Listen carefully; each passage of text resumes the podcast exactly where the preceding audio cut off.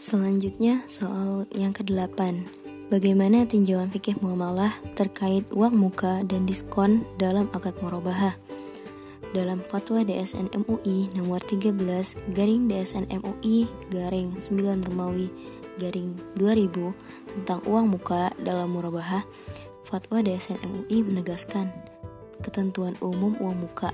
Yang pertama dalam akad pembiayaan murabahah lembaga keuangan syariah atau LKS dibolehkan untuk meminta uang muka apabila kedua belah pihak bersepakat.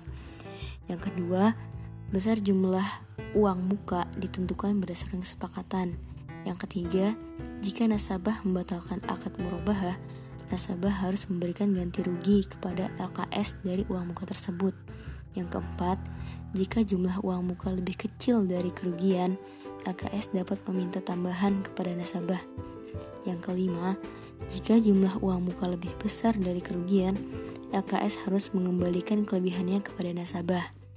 Lalu untuk diskon dalam akad murabahah terdapat dalam Fatwa DSN MUI nomor 16 garing DSN MUI garing 9 Romawi garing 2000.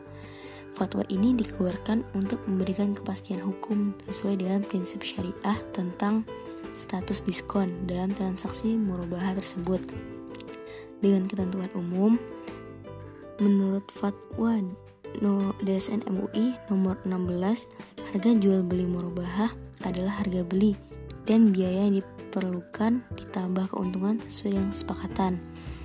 Apabila dalam jual beli murabahah, LKS dapat diskon dari supplier maka harga jual beli antara LKS dan nasabah adalah harga setelah diskon karena diskon tersebut merupakan hak nasabah. Lalu, apabila diskon tersebut diberikan setelah akad, pembagian diskon dilakukan berdasarkan perjanjian atau persetujuan yang dimuat dalam akad tersebut.